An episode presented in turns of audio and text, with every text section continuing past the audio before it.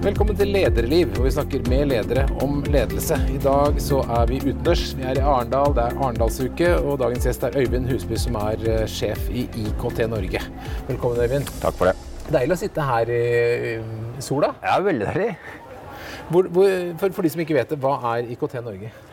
IKT Norge er en, eh, er en interesseorganisasjon eh, for IT-næringen i Norge. Så vi har de 400 vil jeg si, viktigste eh, IKT-bedriftene som medlemmer. Så det er alt fra infrastrukturselskaper som Telenor, Telia, eh, datasenterselskaper. Det er de store plattformselskapene som Apple, Google, eh, Facebook osv. Det er konsulentselskaper som Accenture, Bouvet eh, og, og de andre store. Det er eh, selskaper som IBM, Cisco. Og det er advokatselskaper. Så er det, vi har hele spekteret av de som skal levere digitalisering i Norge. Det er vel nesten ingen som ikke har noe å gjøre med noen av de selskapene? Det er ikke det. Og hvis det er det, så bør det ikke være det. For vi er jo de som faktisk er med på å, å transformere Norge, både private og offentlige, eh, til den, eh, nye, det nye samfunnet. Og Du begynte som eh, direktør der i oktober i fjor. Hva var det som trakk deg dit? Du, eh, jeg hadde egentlig ikke planlagt eh, å starte her. Eh, så ble jeg oppringt, og så begynte jeg å reflektere litt over det som Man blir jo eldre, det som stadig mer engasjerer meg, er faktisk å få til endringer i samfunnet. Jeg ser at det er en rekke områder som må endres, og jeg syns det går altfor sent. Eh, og så kommer jeg fra telekomsektoren, og jeg, vet jo, jeg mener jo at teknologi kommer til å spille en avgjørende rolle for de skiftene vi er helt nødt for å gjennomføre. Og så gikk det opp for meg etter et par samtaler at, at jobben som sjef i Ikon Norge var den perfekte jobben for meg for å kunne påvirke mest mulig med den bakgrunnen jeg hadde for å få til endring i samfunnet som jeg har lyst til å få til. Og Si litt mer om bakgrunnen din. Jeg er siviløkonom, eh, og så jobbet jeg først fem år som konsulent. Først to og et halvt år i KPMG Management Consulting. Eh, og så har jeg sittet i ledergruppa i, i Janko, Janko Multicom, eh, UPC, Get, TDC, Telia i eh, 20 år. Og jobbet med veldig ulike forskjellige ting. Eh, vi Du har vært med på mye fusjoner. Ja, jeg har vært med på mye fusjoner, eh, mye, mye kjøp og salg. eh, Og vært med på en veldig lang reise, både teknologisk sett. Jeg var med å lansere internett bredbånd første gang i 99. Eh, Jeg var med å lansere Triple Play for første gang i Norge. Så det har vært en lang sånn teknologisk reise. Eh, Også reise i selskapsstruktur. Fra å være equity-eid til å være eh, industrielt eid. Eh, Og helt i starten var vel mer entreprenørkultur. Eh, Og så sitte i, i styrer i eh, Kabel Norge og i Virke IKT, som er medlemsorganisasjoner, og har vært styreleder i, i teknologiselskaper som har kjøpt opp, startup-selskaper, og startet noen selskaper selv. Og så er det liksom noen bred erfaring både på, på innhold og, og strukturer og, og, og, og teknologisk løp. Der, liksom. Så da startet du i oktober på noe helt nytt. da, Første gang som, som toppleder og ut av næringslivet over organisasjonslivet og i tillegg korona. Ja. Ja, var starten? ja. Nei, det var eh, For det første så har dette året vært eh, enda mer interessant og spennende enn jeg forestilte meg. Så det eneste jeg angrer på, er at jeg ikke gjorde det før.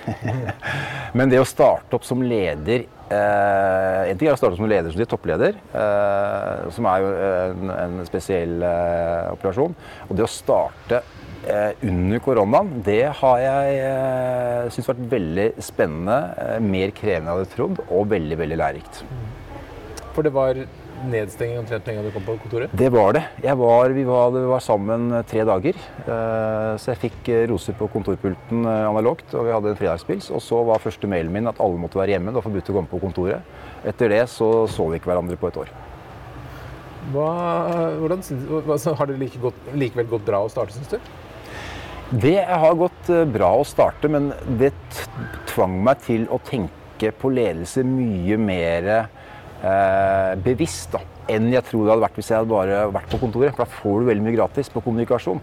Så, så ganske raskt så begynte jeg å reflektere over eh, hva er det som er kjernen i ledelse. Fordi at eh, Når du bare møtes på, på Teams, så har du bare du ser små vinduer på skjermen. og når du vet at 90% av kommunikasjonen er kroppsspråk, så har du 10% igjen. Da skal du bruke den 10 ganske bevisst. Eh, Og så vet man at hvis man, altså Mail er veldig lett å eskalere konflikter, misforståelser. Og når du kommer som ny organisasjon, så du vet at eh, de ansatte er jo spente. eh, Og det er veldig fort gjort at du blir mistolket i utgangspunktet. Eh, Jeg hadde et styre som jeg ikke har sett før i dag. eh, Nei, som i, går fysisk, faktisk. Eh, Så de var jo spent på meg. Så, så, så du mister eh, 90% av kommunikasjonsverktøyet du har. Og da skal du være veldig bevisst på det du har igjen. da. Og det har vært en synes jeg, bare veldig fin erfaring å ha.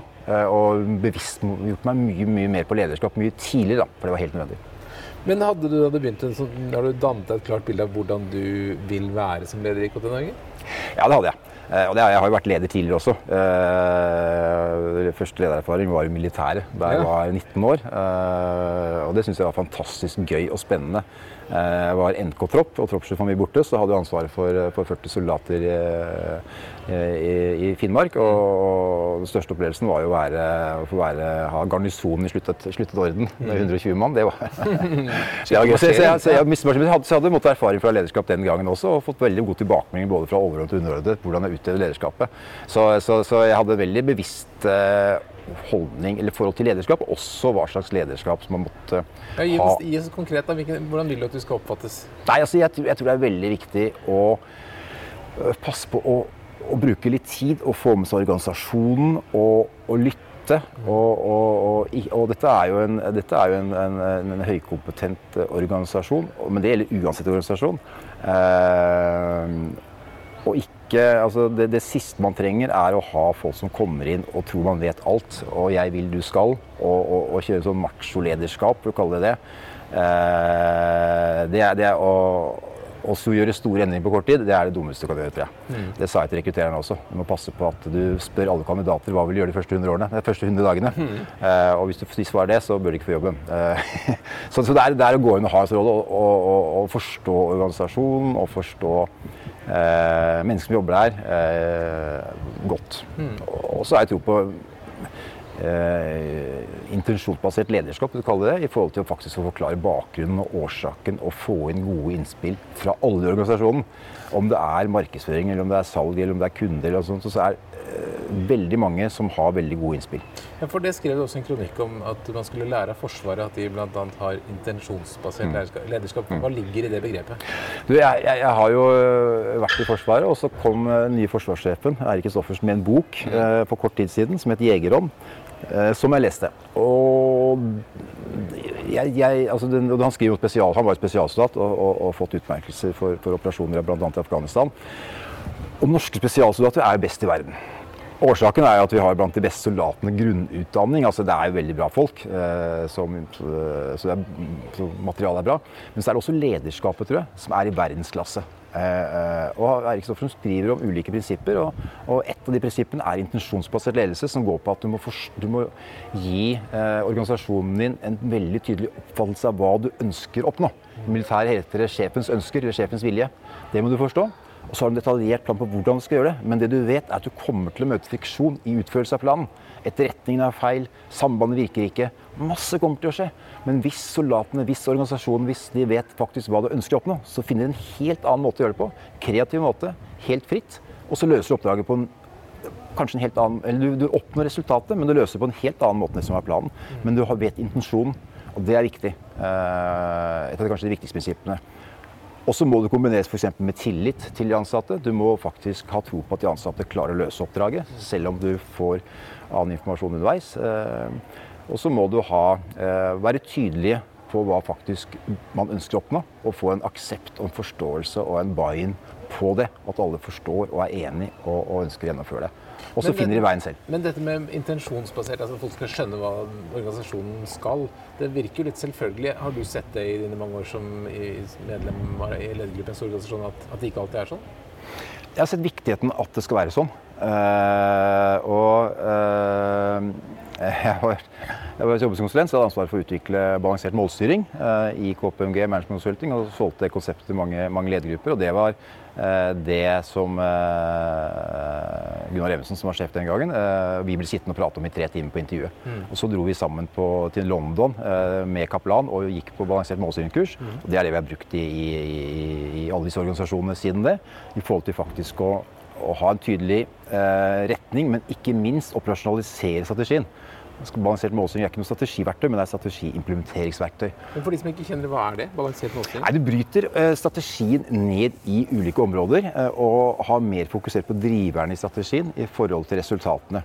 Det er som du står i en slalåmløype, så står du ikke bare nede og sier at du må kjøre fortere. Du står i port fire og sier hva du må gjøre annerledes. Uh, I balansert målstyring så bryter du da gjennom mellom finansielle og ikke-finansielle parametere.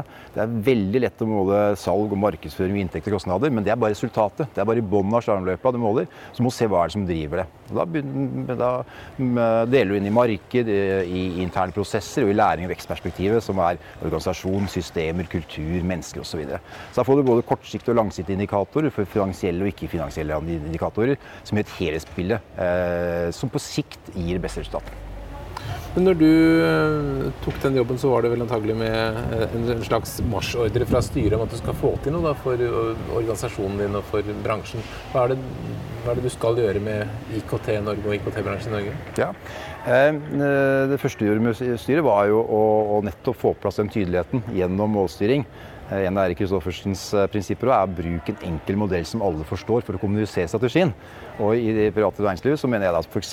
Scorecard er en veldig god måte å lage strategikart som viser virkning årsakssammenheng med strategien. Mm. Så jeg presenterte en, eh, en strategi for styret eh, i en modell, og vi diskuterte ut fra den eh, i forhold til eh, hva som skulle være prioriteringene våre. Og nå har det vært fra mot valget nå spesielt, og i forhold til etter valget også hva vi skal oppnå. Så det er, ehm, det er en eh, Og det er jo å, skape best mulig rammebetingelser for medlemsbedriftene som vi har.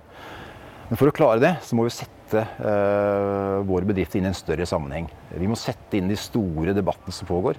Det er klima, uh, miljøvern, uh, sikkerhet, cybersikkerhet. og vise hvordan vi har løsning på de store samfunnsutfordringene hvis vi får det og det og det og det. Eh, og Hvis vi ikke sier, sier, oppsiden med at vi får det, så har vi heller ikke relevante diskusjoner om de, om de store spørsmålene. Så det har, opp, det har, vært en oppgave å lage den. Og Det er et klassisk endringsledelse. Du må ha en burning platform. Du må ha en felles situasjonsbeskrivelse av hva som ikke er bra i dag. Og så må du ha en visjon hvor du skal. Og så har vi to do-lista med våre medlemmer hva du skal gjøre.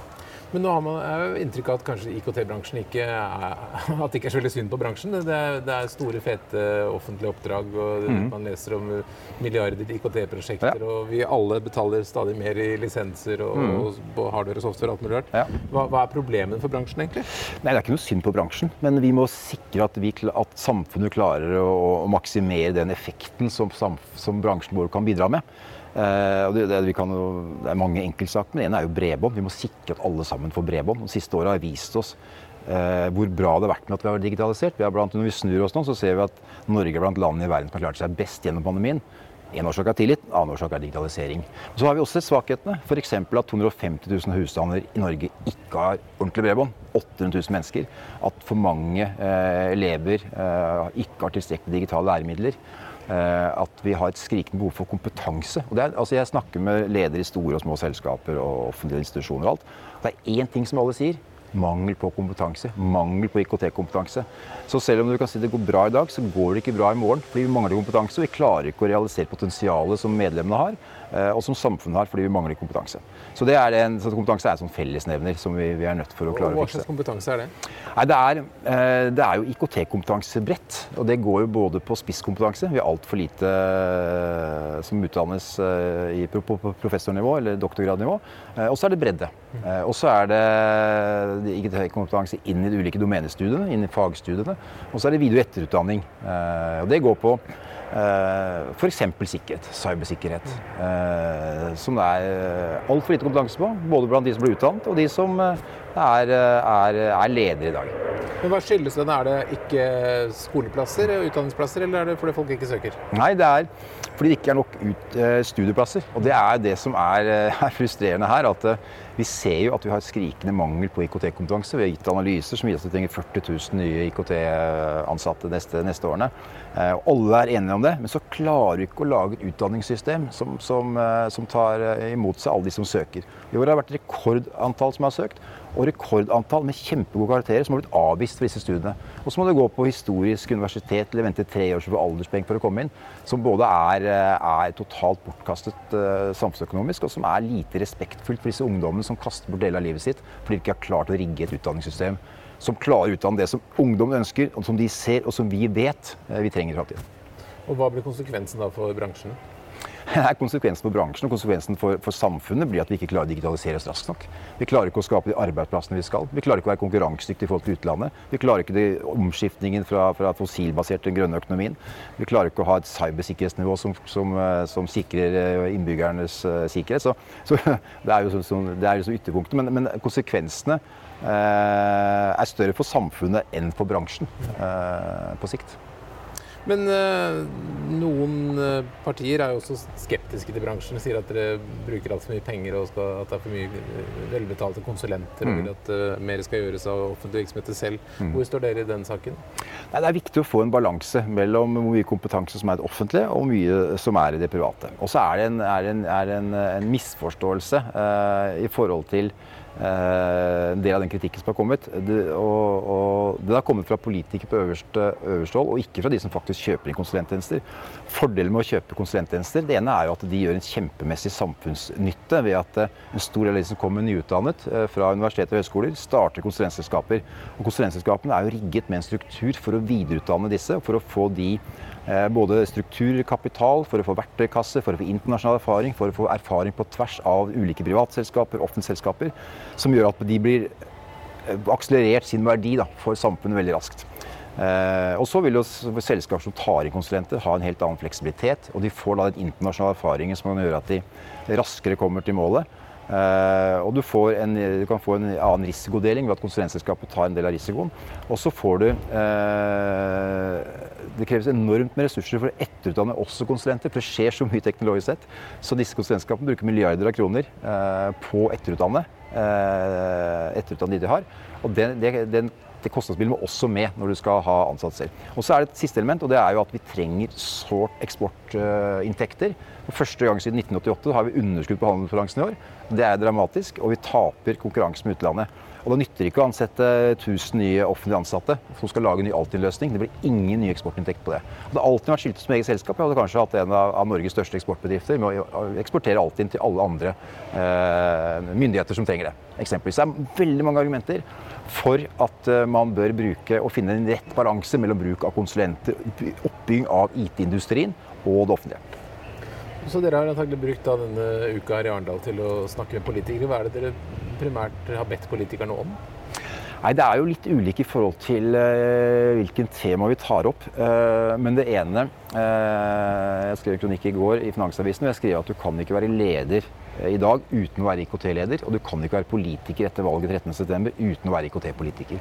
Det er så mye som skjer innen teknologi, og den utviklingen går så fort. Så hvis du skal være med å bestemme enten en bedrift eller et samfunn, så vil du ta eh, i beste feil dårlig, i verste fall helt feil avgjørelser eh, hvilken samfunnsutvikling skal være. Så vi snakker med politikerne i forhold til det kompetansegapet som er, og behov for kompetanse. Eh, vi snakker med politikerne i forhold til det ansvaret som de må gjøre på cybersikkerhet, i forhold til internasjonalt samarbeid, i forhold til ansvaret de har for å bygge egen organisasjon i forhold til sikkerhet. Vi snakker med politikerne i forhold til offentlige anskaffelser. Det er den største økonomiske motoren i norsk økonomi er offentlige anskaffelser. 560 milliarder kroner hvert år. Og så sier man, eh, og man har en politisk målsetting om at man skal bruke dette til det grønne skiftet, til innovativ bygging av næringsvirksomhet og til sikkerhet. Men så blir ikke det etterfulgt i det hele tatt. Det er pris, og så er det pris, og så er det pris det ender på. Og budskapet vårt til politikerne er at eh, f.eks.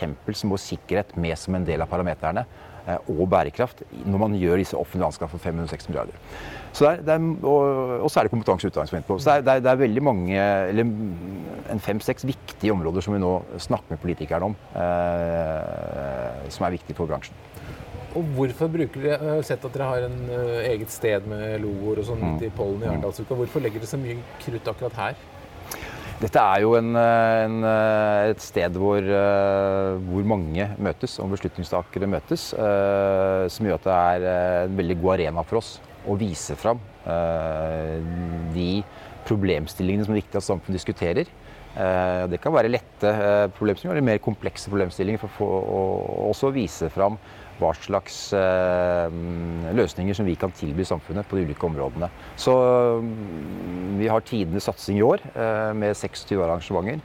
Eh, hvor vi gjør det sammen med 60 medlemsbedrifter som er med på å arrangere tematikk. Vi får inn politikere, vi får inn andre samfunnsdebattanter for å nettopp belyse ulike problemstillingene som vår bransje er med på å løse.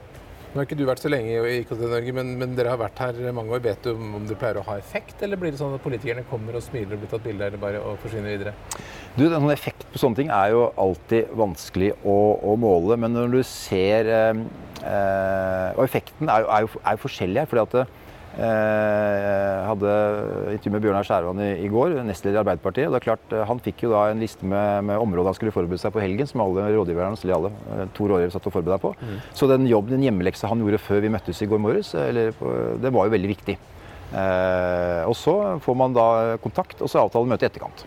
Eh, så effekten er på en måte en litt sånn langtidseffekt. og Det er både prosessen med at man må sette seg inn i saker, og så er det den meningsutvekslingen og forhåpentligvis eh, opplyst debatten man har under, eh, under Arendalsuka. Og så er det å pleie relasjoner og kontakt i etterkant for å følge opp. Du har da snart vært et år i IKT Norge. Hva er den største forskjellen på å være i en organisasjon kontra det å være i en bedrift? Jeg opplever egentlig ikke at det er så stor forskjell som jeg kanskje tenkte. Jeg tenkte jeg skal ikke begynne i en organisasjon, for jeg tenker jeg litt Jeg må ha tempo, må ha, se resultater og må ha liksom, hånden på pulsen på markedet og, og, og ha litt aksjon. Eh, men hvis man klarer å være tydelig på målsettingen, være tydelig på virkemidlene, eh, så er det ikke så stor forskjell egentlig i forhold til hva man oppnår. Man, man har en, en, oppgave, man har en misjon og man har et sett med ressurser som skal settes sammen på en riktig måte, en riktig stack, for å nå resultatene fortest mulig. Du nevnte at uh, IKT angår alle ledere, tror jeg. Mange mm. føler på det at hvis man skal gjøre en endring en omstilling en seksjon, så kan komme med veldig gode ideer, lyst til å gjøre sånn og sånn og sånn. Så, og så lander man også på at det er IT blir begrensning, lar seg ikke gjøre. IT-systemene støtter ikke, eller tar mm. for lang tid, det koster mye penger. Har du noen uh, tips om hvordan uh, ledere best legger opp endringsprosesser som involverer, eller skal involvere IT? Eller IKT? Nei, det er jo det er ikke noen sånn generell regel for det. Og, og, det er jo veldig forskjellig fra selskap til selskap. Altså Hvis du er et stort industriselskap med mange proprietære systemer, flere hundre proprietære systemer, så er nok det et vektig argument uh, å erkjenne det. Men hva, hva, er et proprietært system? Nei, Det er et system som er spesiallaget for en bransje. Skjønner. Altså Bankens betalingssystem mm. eller, eller, eller, olje og gass sin styring av en eller annen pumpe i Nordsjøen mm. er et proprietært system, mens, mens generelle systemer er jo, er jo eh, Office og, ja, og databasesystemer og mm. sånt, som er hyllevare. Eh, men så skje, har det skjedd også veldig mye teknologisk sett bare de siste 12 månedene, 18 månedene, som gjør at Eh, det som var sant, eh, det utsagnet som var sant kanskje for to år siden, ikke kanskje lenger er sant. Og Noen ganger må man bare starte på nytt og si at vi må, må eh, Hva ville gjort vi skulle starte selskapet i dag? Hvilken IT-stack ville vi hatt da? Og så gjøre det. Fordi at Konkurransemessig så er det det å stable opp den riktige IT-stacken blir mer og mer viktig. Fordi endringene kommer så fort. Det er ikke lenger sånn at du skal produsere det samme, men, men 7 B neste år. Du skal produsere noe helt annet neste år. Og, og, det faktisk å klare å lage IT-stacken er en konkurransefortrinnene, eller, eller forutsetning for å klare å konkurrere i framtiden. Hva blir de største, eller hva tror du blir de største sånn IT-messige endringene i norsk arbeidsliv i årene fremover? Ja.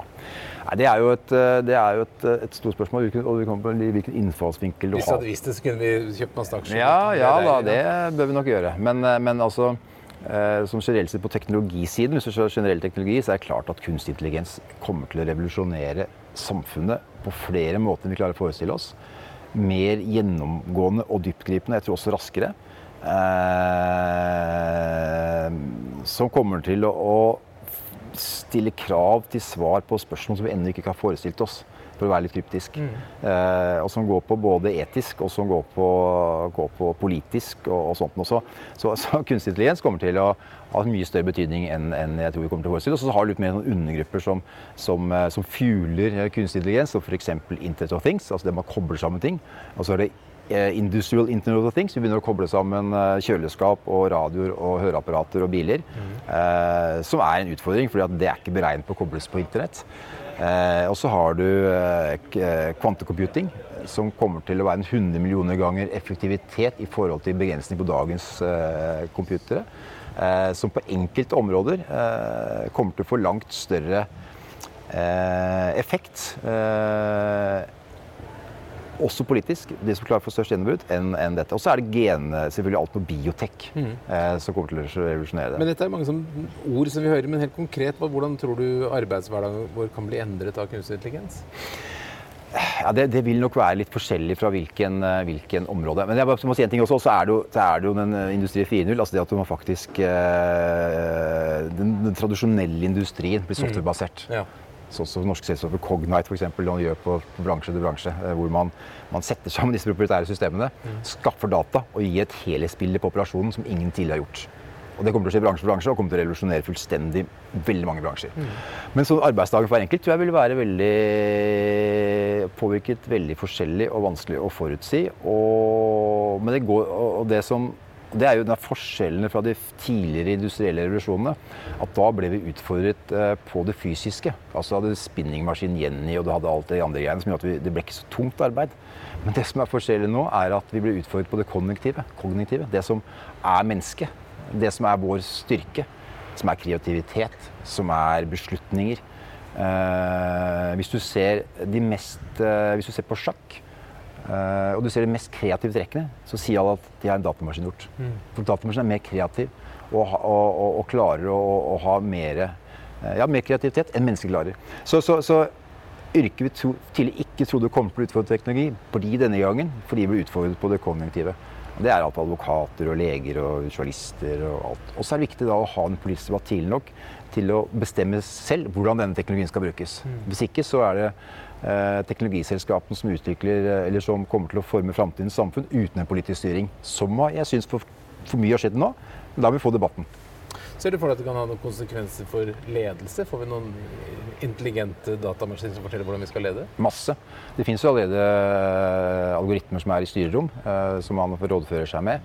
Eh, og beslutningsstøttesystem basert på kunstig intelligens vil bli mer og mer, mer, og mer vanlig.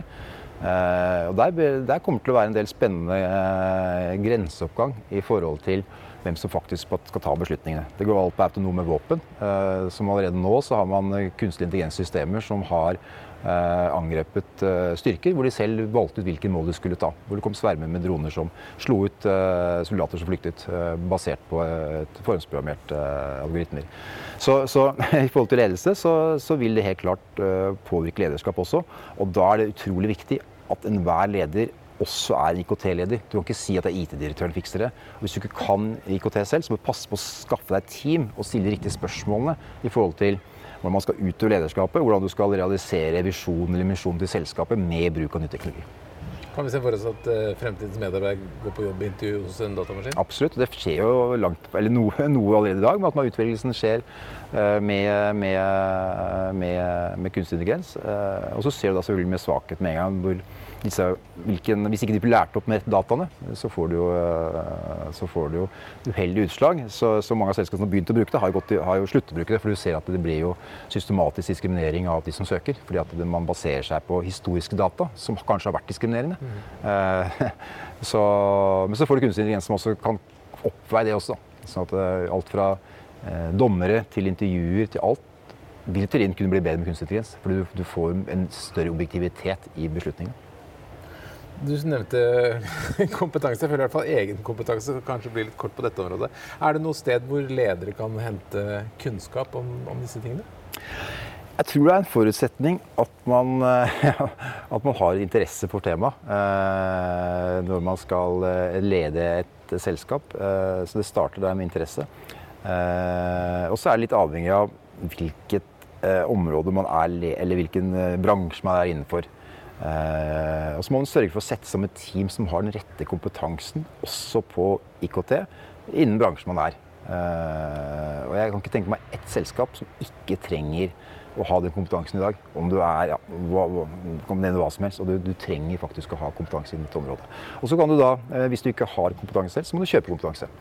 Uh, så da må du ta opp telefonen og få inn den kompetansen. Uh, og leie inn kompetansen og få overført den til, til selskapet også. Det blir spennende en dag en styre i IKT Norge sier jeg tror ikke vi gidder å ha han Øyvind som leder. Vi kan heller ha en datamaskin mye billigere og mye raskere. Ja, det, og det, det i hvert fall som, som beslutningsstøtte. Eh, og, så har du etter hvert eh, så har du etter hvert eh, grensetilfeller hvor, er, eller altså hvor, hvor datamaskiner eh, begynner å trene med hverandre. da. F.eks. prisroboter eh, som jobber mot hverandre. De vil jo selvfølgelig automatisk finne et en duopolpris. For de tester ut ulike priser og finner ut det. Det er jo teorien, og det stemmer jo. Så hvem er det som skal straffes konkurranserettslig når, når XXL og Elkjøp eh, begynner å ha duopolpriser? Fordi de har roboter som har faktisk optimalisert hver enkelt produktlinje for dem. Eh, så det er en lederbeslutning i forhold til prisstrategien, men, eh, men eh, her vil roboter komme til duopolpris. Spennende. Helt til slutt, Øyvind, Hvis det kommer en ung person til deg og, og har lyst til å bli leder f.eks. innenfor IKT-bransjen, hva er de mm. tre viktigste rådene du gir for å bli en god leder? Oh, ja, det... Um, nei, for det første så er det uh, litt å være seg selv. Det er ikke noe forskjell på, et, på, hvordan du er som menneske og leder, egentlig. Det er de grunnleggende verdiene du har som menneske. Du tar ikke på deg annen, eh, et annet verdisett fordi du er leder. Så vær deg selv.